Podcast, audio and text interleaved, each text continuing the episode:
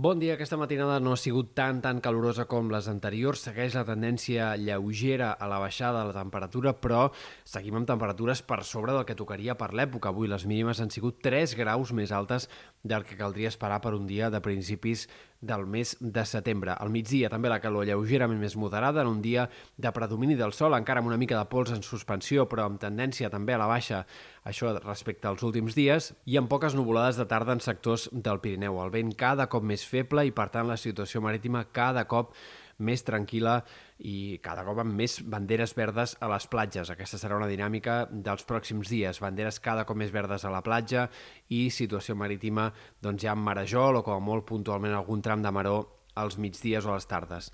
De cara als pròxims dies, pel que fa a l'estat del cel, no hem d'esperar canvis. No hi haurà, sembla ja bastant clarament, novetats tampoc durant el cap de setmana de l'11 de setembre.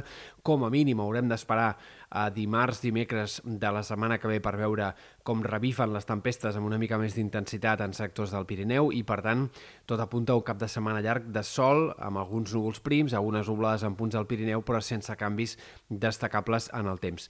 Pel que fa a la temperatura, pujarà una mica el termòmetre aquest cap de setmana llarg i, per tant, esperem que encara repuntin les màximes i que tornem a valors similars als de l'inici de setmana. Dissabte, sobretot diumenge i dilluns, per tant, tindrem temperatures similars a les de l'inici de setmana, amb màximes que poden arribar fins i tot als 35 graus en algunes comarques interiors i, per tant, amb una calor intensa, canicular, eh, que no s'ajustarà al que tocaria per aquesta època de l'any. Sembla que a llarg termini, lentament, a mesura que ens anem acostant al dia 15, la temperatura anirà baixant, però insistim que de moment els canvis de temps eh, s'entreveuen encara borrosos i poc clars en la previsió a llarg termini.